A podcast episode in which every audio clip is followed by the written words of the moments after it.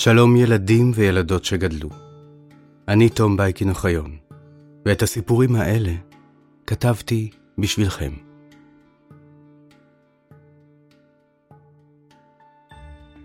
כל הכבוד לכם ששרדתם את השבוע הראשון של החזרה ללימודים, וכל הכבוד להורים שלכם ששרדו את החופש הגדול. לפני שנתחיל, אני רוצה להתייחס לשאלה ששואלים אותי הכי הרבה במפגשים. למה לוקח כל כך הרבה זמן בין עונה לעונה של אגדות אמיתיות? תאמינו לי, דבר לא יעשה אותי מאושר יותר מלהקדיש כל דקה מחיי לכתיבה, הקלטה ועריכה של אגדות חדשות. אבל כמו כל ההורים האחרים, גם אני צריך לבזבז את זמני בעבודות במקום לכתוב אגדות. לכן, חשבנו שבעונה הזו נספר לכם איך אתם יכולים לעזור לנו להמשיך וליצור בתדירות גדולה יותר. בעונה הזו, בתחילת כל פרק, נספר לכם על דרך אחרת שבה אתם יכולים לתמוך ביצירה שלנו, ולכבוד הפרק הראשון, חשבנו על הדרך הכי מהנה לעשות זאת.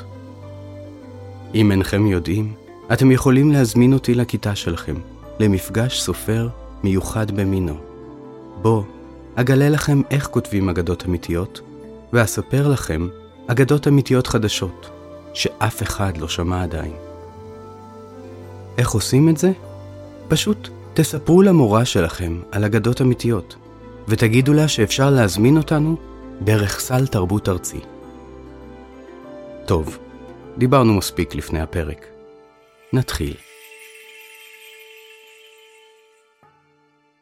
כדורגל מאז שהומצא המשחק באנגליה, לפני בערך 800 שנה, המשחק הזה הפך לספורט האהוב ביותר בעולם כולו.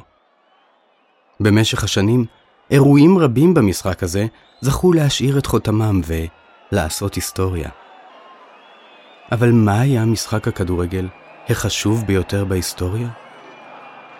האגדה הזו תנסה לענות על השאלה הזו.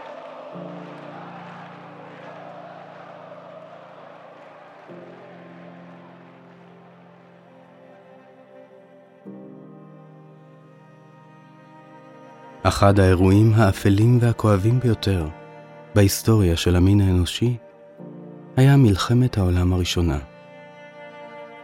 לא בגלל שאנשים היו אכזריים יותר מבכל מלחמה אחרת, אלא מכיוון שבידי הצבאות שהשתתפו במלחמה היו נשקים שכמותם העולם לא ראה מעולם. סוס המלחמה ששלט בשדה הקרב יותר מחמשת אלפים שנה, עזב, ואת מקומו תפסו כלי נשק חדישים, כמו מכונת הירייה האכזרית וגז החרדל הנורא. בכל פעם שנשק חדש מופיע בשדה הקרב, הוא מצריך את המפקדים לחשוב מחדש על האופן שבו יש לנהל מלחמה. למן הרגע שבו המציאו את מכונות הירייה, לא היה אפשר עוד לקיים מלחמות, כמו בעבר, כאשר שני הצדדים הסתערו זה לעבר זה בשדה הקרב. מלחמת העולם הראשונה התנהלה במה שנקרא מלחמת חפירות. הצבאות התחפרו בתעלות משני צידי שדה הקרב, ובין תעלה אחת לרעותה מילאו את שדה הקרב בגדרות תיל ובמכשולים מפלדה, שיחסמו את כלי הרכב של האויב. מדי פעם היה אחד המפקדים מחליט שהצבא צריך להתקדם. הוא היה מצווה על חייליו לצאת מהחפירות ולרוץ דרך השדה המלא במכשולים ודרך המטחים של מכונות הירייה של האויב עד לחפירה הבאה. בצורה זו, מדינות שלמות נלחמו זו בזו, רק כדי לכבוש זו מזו מטרים ספורים של אדמה, במחיר כבד. כך נמשכה המלחמה במשך ארבע שנים ארוכות מאוד. אבל היה רגע אחד, בשנת 1914, שבו נדמה היה שהטירוף של המלחמה פינה מקום למעט שפיות. על הרגע הזה מספרת האגדה הזו.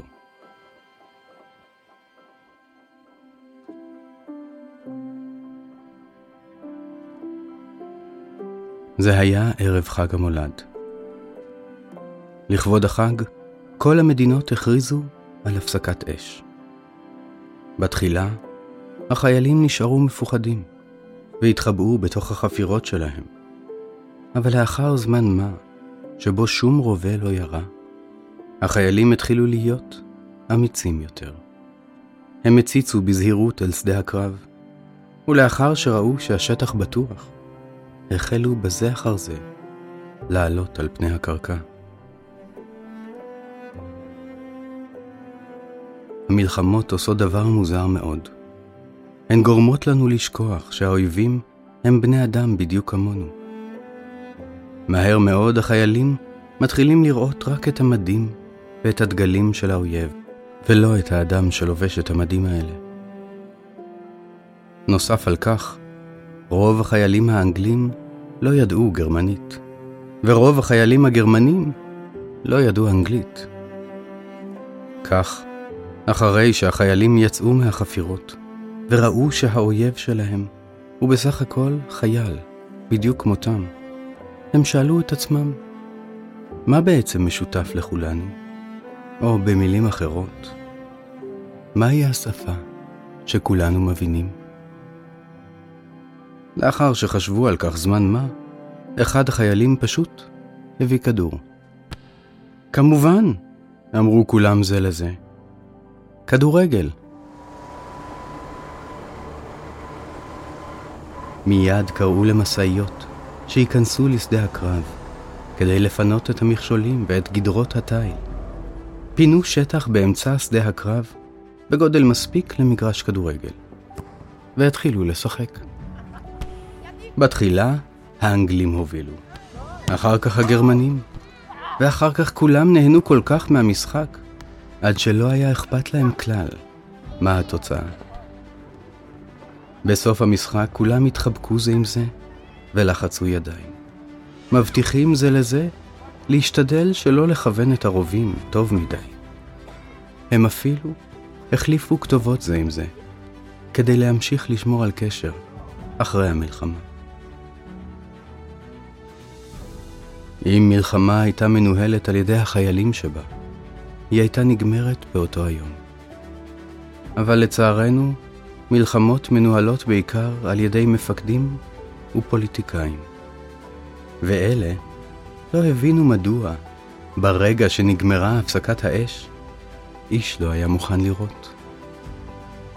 אש!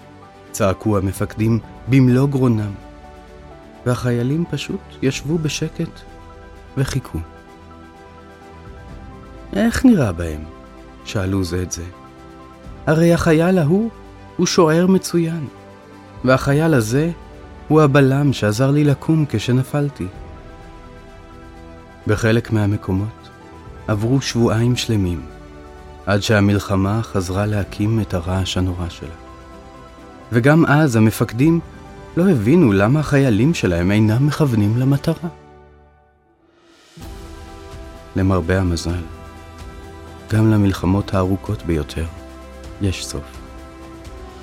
כשהמלחמה הזאת נגמרה, והחיילים זכו סוף סוף לחזור הביתה למשפחותיהם, רבים מהם מיהרו להתיישב אל שולחן הכתיבה ולכתוב מכתב לחבר שלהם מהצד השני.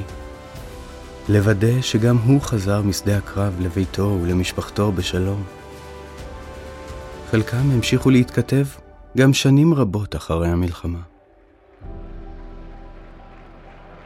עד היום מתקיים בכל שנה, בערב חג המולד, משחק כדורגל בין אנגליה, גרמניה, בלגיה וצרפת.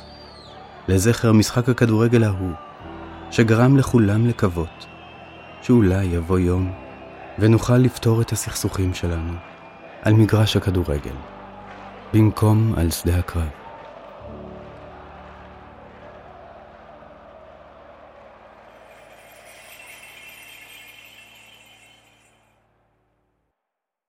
במהלך מלחמת העולם הראשונה, כמו בכל מלחמה, החיילים משני הצדדים של השוחות היו אויבים זה לזה. עם זאת, הם הצליחו לעצור את הלחימה למספר שעות בשביל משחק. היום, אגב, כל המדינות שהשתתפו במלחמה הזו אינן יריבות, כי כל המלחמות בסוף נגמרות. יש אנשים שאתם מזהים כאויבים שלכם?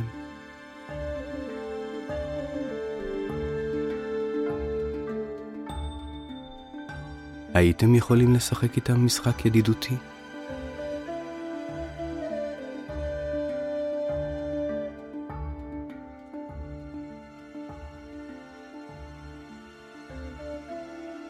מלבד האגדה הזו, עוד אגדות מחכות לכם בפודקאסט אגדות אמיתיות.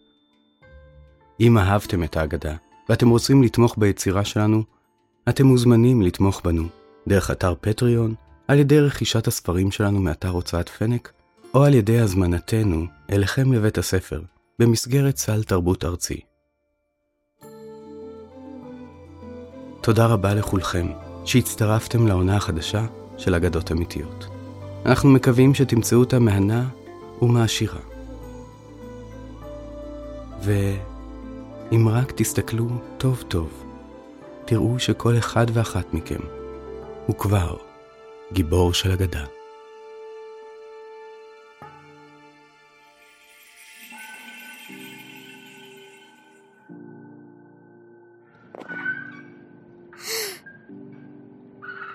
פלג